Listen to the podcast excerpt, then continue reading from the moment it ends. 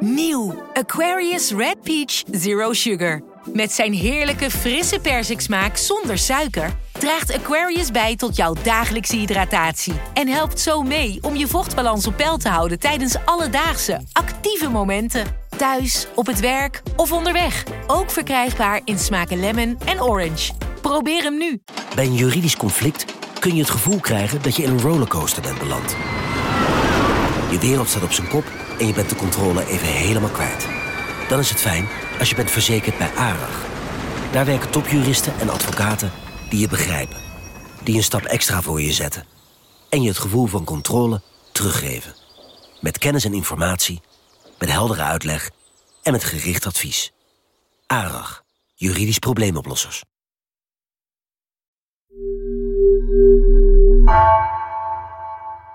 Hoi, Thomas Rup hier. Voordat we beginnen wil ik je graag iets vertellen. Of liever gezegd, ik wil afscheid van je nemen. Want deze aflevering vandaag is de laatste die ik presenteer. Binnenkort verhuis ik naar de Verenigde Staten, naar New York, om daar de microfoon weer te verruilen voor die ouderwetse journalistenpen. En daarmee komt helaas ook een einde voor mij aan NRC Vandaag. Dat ik deze podcast de afgelopen 2,5 jaar honderden afleveringen lang heb mogen presenteren, is het leukste en het eervolste wat ik ooit heb gedaan. En dat komt door die geweldige redactie hier, achter de schermen, want dat zijn ze. En door de verhalen die hier gemaakt worden door zulke goede journalisten, maar vooral ook door jou, omdat je wilde luisteren naar mij, naar ons. En daar wil ik je voor bedanken en vooral ook zeggen, blijf dat ook doen. Nou, daar ga ik dan. Nog één keer. Vanaf de redactie van NRC, het verhaal van vandaag. Mijn naam is Thomas Rup.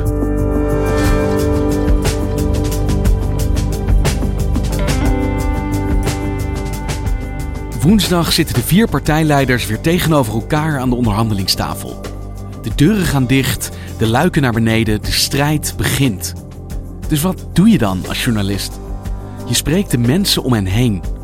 Politiek redacteur Lemja Aharouai dook in de stijlen van Kaag, Rutte, Hoekstra en Segers. Wie onderhandelt met welke tactiek?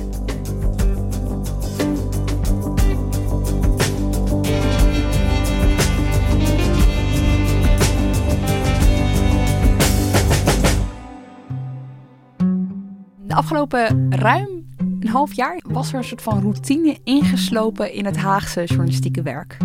Er gebeurde ontzettend veel. Er was echt heel veel chaos. Maar er was steeds één moment waarop je echt aan moest staan. En dat was als je een sms'je binnen hoorde komen.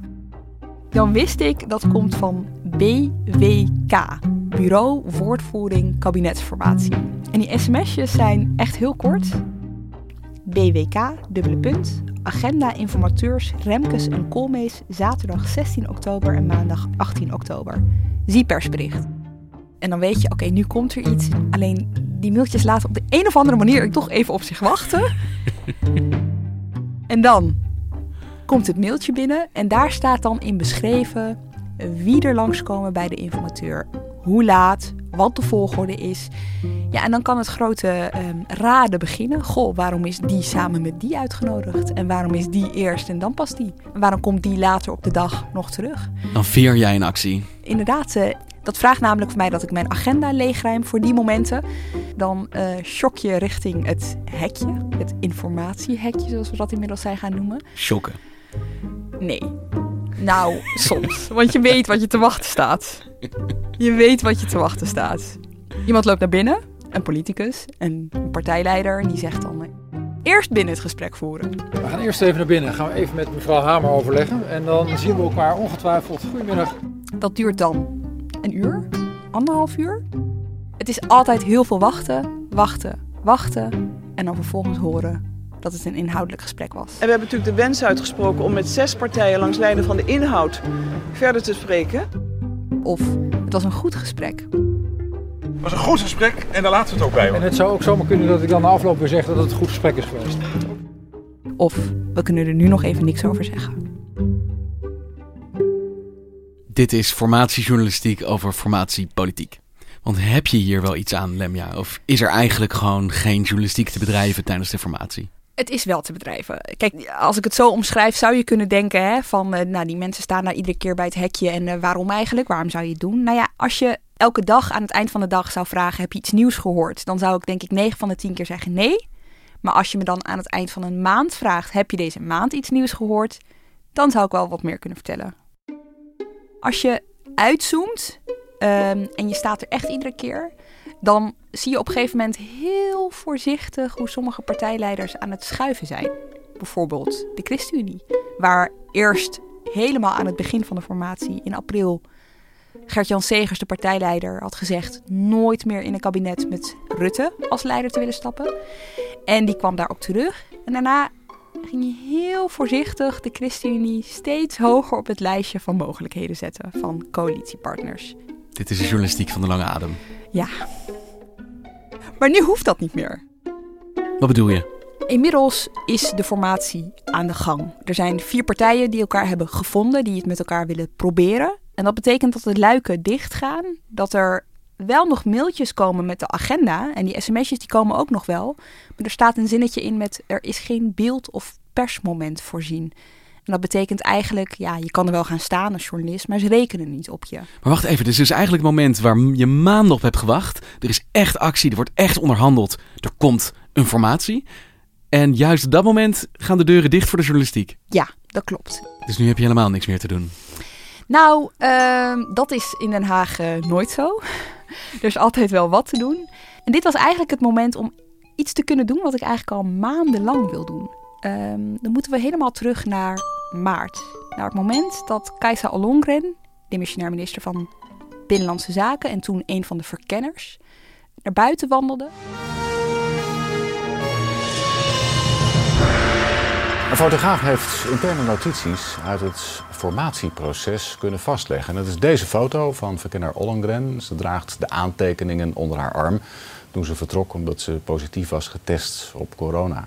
Het is veel gegaan over positie omzicht, comma, functie elders. Maar er stond nog iets op. Onderhandelingsstijl Hoekstra. En het fascineert mij al maandenlang de vraag wat bedoelden ze daarmee? Waarom is de onderhandelingsstijl van Hoekstra een apart puntje op zo'n memo? Want we hebben het natuurlijk maandenlang over omzicht gehad. Het was ophef. Het kon nergens anders over gaan dan Den Haag. Maar dat tweede puntje hebben we het niet echt over gehad. Nou, ik dacht, nu kunnen we die tijd eens gebruiken om uit te zoeken hoe ziet die onderhandelingsstijl van Hoekstra er nou eigenlijk uit. En niet alleen Hoekstra. Hoe is dat eigenlijk met Kaag? Hoe doet Segers het aan een onderhandelingstafel? Hoe zit Rutte erbij? En al helemaal, hoe is de chemie tussen die vier? Dus ik ben gaan eh, bellen samen met Guus Valk, uh, chef van de politieke redactie. Bellen, bellen. En uiteindelijk hebben we acht mensen bereid gevonden die ons een inkijkje konden geven in uh, de manier voor onderhandelen van de vier partijleiders die het nu met elkaar moeten doen.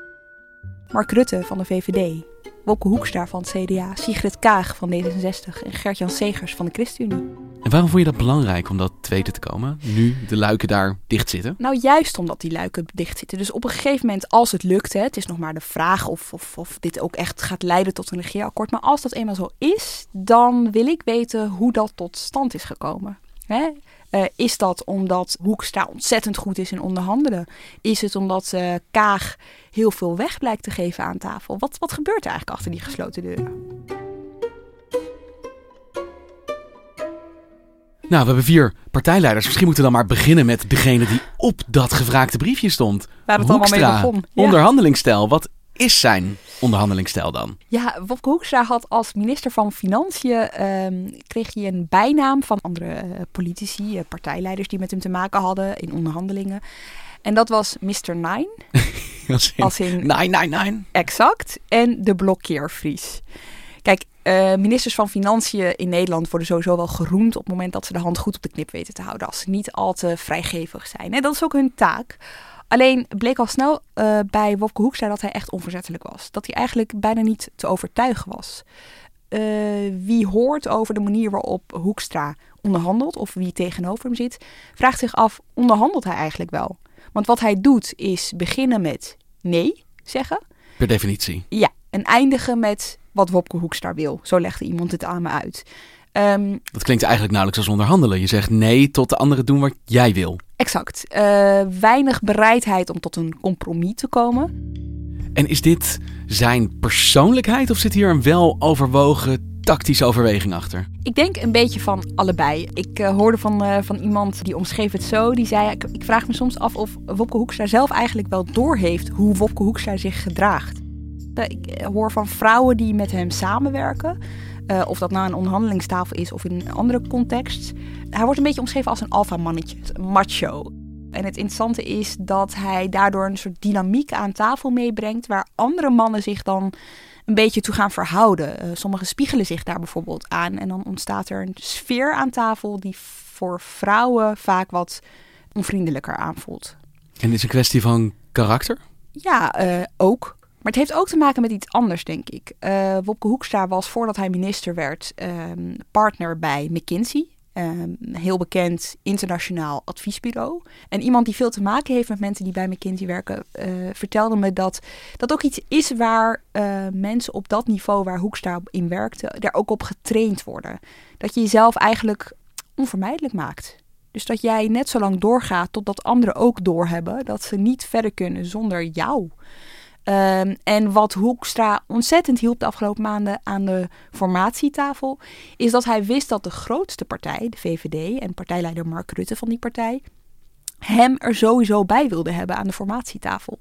Dus ondanks dat hij had verloren, als enige van VVD, D66, CDA en ChristenUnie, de vier partijen waar het nu om gaat, mm -hmm. ondanks dat hij de ene na de andere partijcrisis op te lossen had, ja, is hij uiteindelijk geëindigd met de partijen waar hij het graagst mee wilde onderhandelen.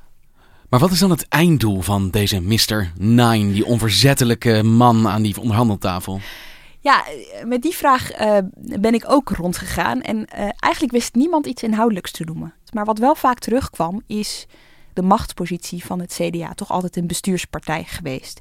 En daarvoor gaat hij ook best ver. Um, een van de dingen waar ik bijvoorbeeld over uh, ben bijgepraat is... hij wilde op een gegeven moment samen met Sigrid Kaag, de partijleider van D66... een soort bondje vormen om samen Mark Rutte uh, te isoleren als de grootste partijleider aan tafel. En om op die manier te verzwakken door samen op te trekken. Ja, want uh, dat moet je ook realiseren. Aan die formatietafel gaat het over nu.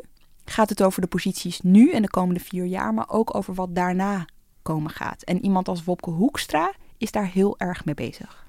En hij heeft dus ook geen aarzeling om ook zijn grootste medestander, Mark Rutte, uh, ook aan te vallen als dat nodig is. Exact. Alleen uh, het is vrij snel gestopt, want uh, Sigrid Kaag die moest er niks van hebben.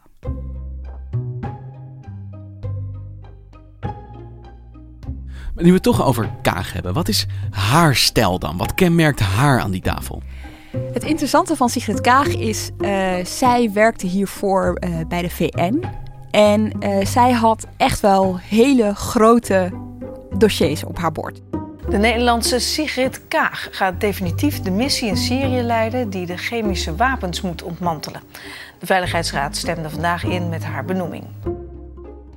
In Den Haag werd ze vaak en lang omschreven als een soort van buitenstaande. Iemand die lang in het buitenland had gewerkt. Maar wel iemand die wist hoe onderhandelen werkt.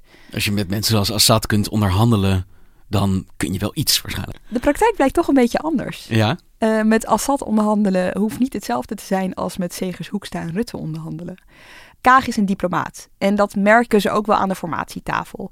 Iemand die zelf ook uit het diplomatenwereldje komt, vertelde mij dat je uh, leert om niet echt nee te zeggen aan tafel. Dus uh, er gaat daar een, een, lijstje rond bijvoorbeeld op buitenlandse zaken. En uh, dat ken je misschien ook al van sociale media. Eén keer in de zoveel tijd komt het weer rond. En dat is zeg maar wat Britten zeggen en wat ze ermee bedoelen. Dus als zij zeggen, oh, very interesting. Ja. Dan bedoelen ze er misschien wel mee van, god, dit is echt heel erg saai, hou je mond. Dat is vernietigend. Ja, precies.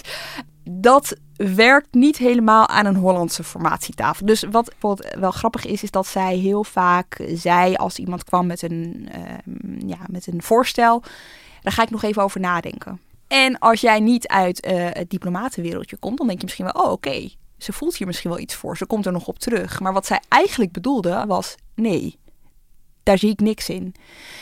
En daardoor was haar positie aan tafel niet heel erg sterk. Ja, dus haar ervaring in diplomatiek onderhandelen maakte haar niet per se tot een succesvolle Haags politiek onderhandelaar ook. Weet je wel, chemische wapens uh, is toch wel wat anders over tot op de millimeter onderhandelen over hoeveel subsidie je geeft aan een gemiddelde woning om het te isoleren. Ik zeg maar wat, weet je wel. Dat is echt iets heel anders. Plus, er geldt gewoon andere mores op het Binnenhof. En uh, relaties doen er ook toe. Van Kaag uh, wordt ook gezegd dat ze niet helemaal peilbaar is. Uh, het is best onduidelijk wat ze nou precies doet en waarom. En een voorbeeld is uh, die HJ schoollezing. Hè. Ze haalden daar een paar keer heel erg uit naar Mark Rutte. Dat geldt ook voor degene die om het hardst roepen hoe onwijs gaaf ons landje is. Veel te lang hebben we ons in de verdoving van zelfgenoegzaamheid collectief laten sussen door toch wel politieke bijziendheid. Anderen snapten daar niks van. Wat doet ze nou eigenlijk, was een beetje de vraag. En die vraag, wat doet ze nou eigenlijk, dat blijft een beetje om haar heen hangen. Uh, anderen proberen haar te peilen, maar zien dat zij niet heel erg is van de relaties onderhouden. En dat is iets ongrijpbaars wat bijvoorbeeld botst met Rutte. Nou ja, Rutte wordt omschreven als de relatieman. Weet je wel, als er iets is wat hij belangrijk vindt, dan is het wel het onderhouden van relaties. Mensen het gevoel geven dat hij goed naar ze luistert, dat hij precies weet wat ze willen. Um, en ook daaraan zien sommigen aan de formatietafel uh, dat dat niet meer zo vanzelfsprekend is als dat het altijd was bij Rutte. Want die houding van Rutte, verbinden, uh, sociaal, het allemaal makkelijk maken, is dat ook zijn onderhandelstijl of gaat het er heel anders aan toe op het moment dat die deuren sluiten? Nee, uh, dat is zeker wel zijn onderhandelstijl. Iemand die, die hem kent van een andere onderhandelingstafel, die vertelde bijvoorbeeld dat hij, als hij tien knikkers heeft, dan zal Rutte er altijd acht voor zichzelf houden. Maar uh, de overige twee daarvan is hij bereid en weet hij dat hij die weg moet geven. Dus dan gaat hij een beetje om zich heen kijken en dan ziet hij, oh, partij X kan dit wel heel goed gebruiken. En dan reikt hij zijn hand uit om, uh, uh, om diegene ook eh, van hulp te voorzien. Hij, is, hij heeft een empathisch vermogen, dus hij weet hoe het is als voor, voor andere partijleiders. Die moeten ook aan hun achterban uit kunnen leggen waarom zij concessies hebben gemaakt. Dus daar is hij wel mee bezig. En dan is hij dus ook met een brede glimlach ogenschijnlijk genereus. Ook al weet hij zelf, ik heb er nog acht. Ja, is of was. Want daar zijn de lezingen dus wel verschillend over. Rutte is vermoeid, merken anderen op. Dat valt al langer op in Den Haag. Hij heeft een uh, lange periode, eigenlijk sinds corona, aan één stuk doorgewerkt. Is in de zomer bijna niet uit geweest.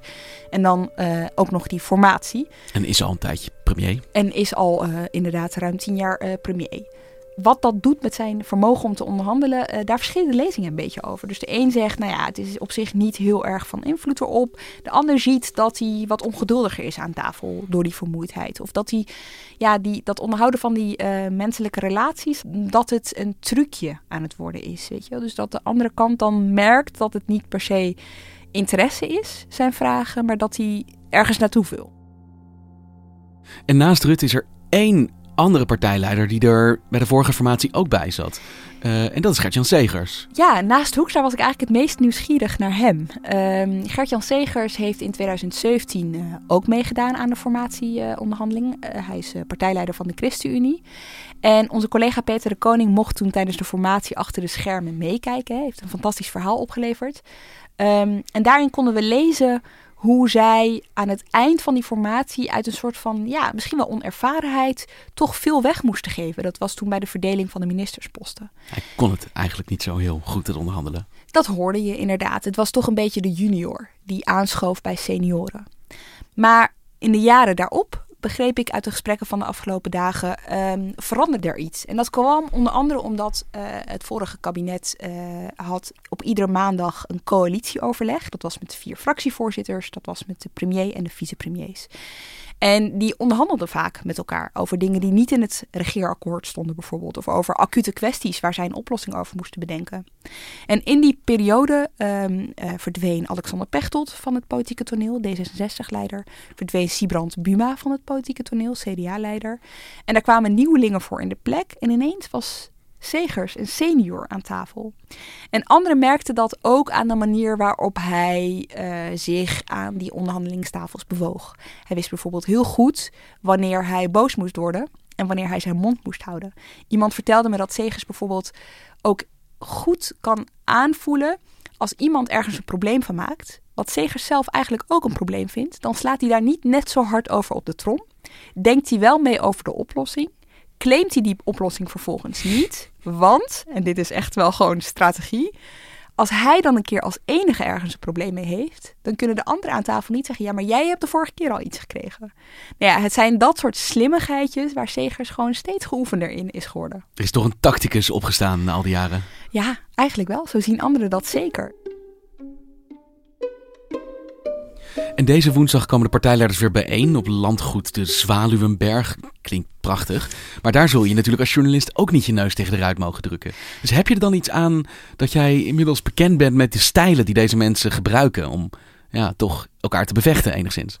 Ja, want um, je moet je voorstellen dat uh, de partijleiders zelf dan weinig tot niks te melden hebben. Maar uh, in de kringen daaromheen valt wel wat te halen. En als jij weet hoe zij daar aan tafel zitten, dan kan het je helpen om um, wat je hoort in perspectief te zetten. Dan kun je dat beter plaatsen. Snap wat ik bedoel? Nou ja, ik weet nu als ik Wopke Hoekstra ooit ja hoor zeggen dat het iets revolutionairs is. Kijk, kijk. Nou, dat dus. En er zit dus voortgang in de formatie, maar tegelijkertijd als ik hoor ook wat de Achilleshielen van al deze onderhandelaars zijn, zijn er toch ook nog wel scenario's denkbaar dat dit gewoon niet gaat lukken? Er is uh, voor gekozen om uh, deze partijleiders af en toe bij elkaar te zetten. En om vooral de secondanten, hun nummer twee's, uh, met elkaar aan tafel te zetten. dat zijn Kamerleden die eigenlijk het hoofdwerk aan het doen zijn deze tijd. Dat is niet voor niks iedereen houdt er rekening mee dat dit ook nog kan mislukken. En uh, dat is, heeft ook te maken met eerdere formaties waarin soms iets eerst moet mislukken, dan iets anders proberen, dan het nog een keer met elkaar proberen. Dat gebeurde in 2017 ook met deze vier partijen. Dus dat ze met elkaar gaan praten betekent nog niet dat er sowieso een kabinet met deze vier partijen op het bordes komt staan. Eerst onderhandelen, onderhandelen, onderhandelen en voor jou nog even wachten, wachten, wachten. En wachten op die sms'jes en de mailtjes en weer shocken. Succes Lemia. Dankjewel. Je luisterde naar vandaag, een podcast van NRC. Eén verhaal, elke dag. Deze aflevering werd gemaakt door Henk Ruigrok van der Werven en Stef Visjager. Dit was vandaag, maandag weer.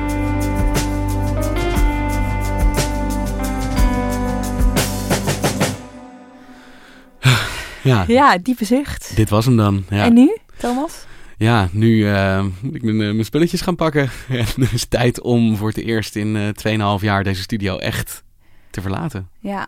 Heb je in al die tijd ooit bijgehouden hoeveel afleveringen je hebt gemaakt? Nee, nee, dat heb ik niet. Ik denk dat het tegen de 300 moet lopen. Misschien nog wel meer, joh. Ik, ik heb momenten gehad dat ik de ene aflevering aan het opnemen was. Uh, en tussen aan het dromen was over de aflevering erna. En uh, het hield voor mijn gevoel eigenlijk nooit op. Ja, het begon echt, met, het begon echt als pionier. Hè? Het begon echt met een. Ja, met, met wat eigenlijk? Ja, nou, ik vind dat af en toe wel heel goed om te realiseren. Weet je, begon hier met eigenlijk vijf of zes mensen. En geen idee of dit wel kon. Weet je, of we op een krant wel elke dag een podcast konden maken. Of er elke dag een verhaal te vertellen was. Of er redacteuren waren die bereid zijn om met ons de, de studio in te kruipen. En ja, als je dat nu 400 afleveringen en 2,5 jaar later bekijkt en ziet dat we nu een redactie hebben die tegen de 25 loopt, dan ja, denk ik dat het misschien ook wel eigenlijk heel fijn is om te kunnen zeggen: ik kan hier nu ook gewoon weg. Want deze mensen zijn zo ontzettend goed, maar och, ik ga ze wel missen. En ik ga dit ook heel erg missen. We gaan jouw stem ook missen, Thomas. Dankjewel. Jij bedankt. Een maatschappij waarin iedereen meedoet. Een gezonde, groene en rechtvaardige wereld. Daar willen jij en heel veel andere mensen best iets aan bijdragen. In het klein en in het groot. Dicht bij huis en ver weg. Zo hebben we vorig jaar 349 miljoen euro bij elkaar gebracht. Miljoenen waarmee onze goede doelenpartners de wereld elke dag een beetje beter kunnen maken. Nationale Postcode Loterij. Samen voor een betere wereld.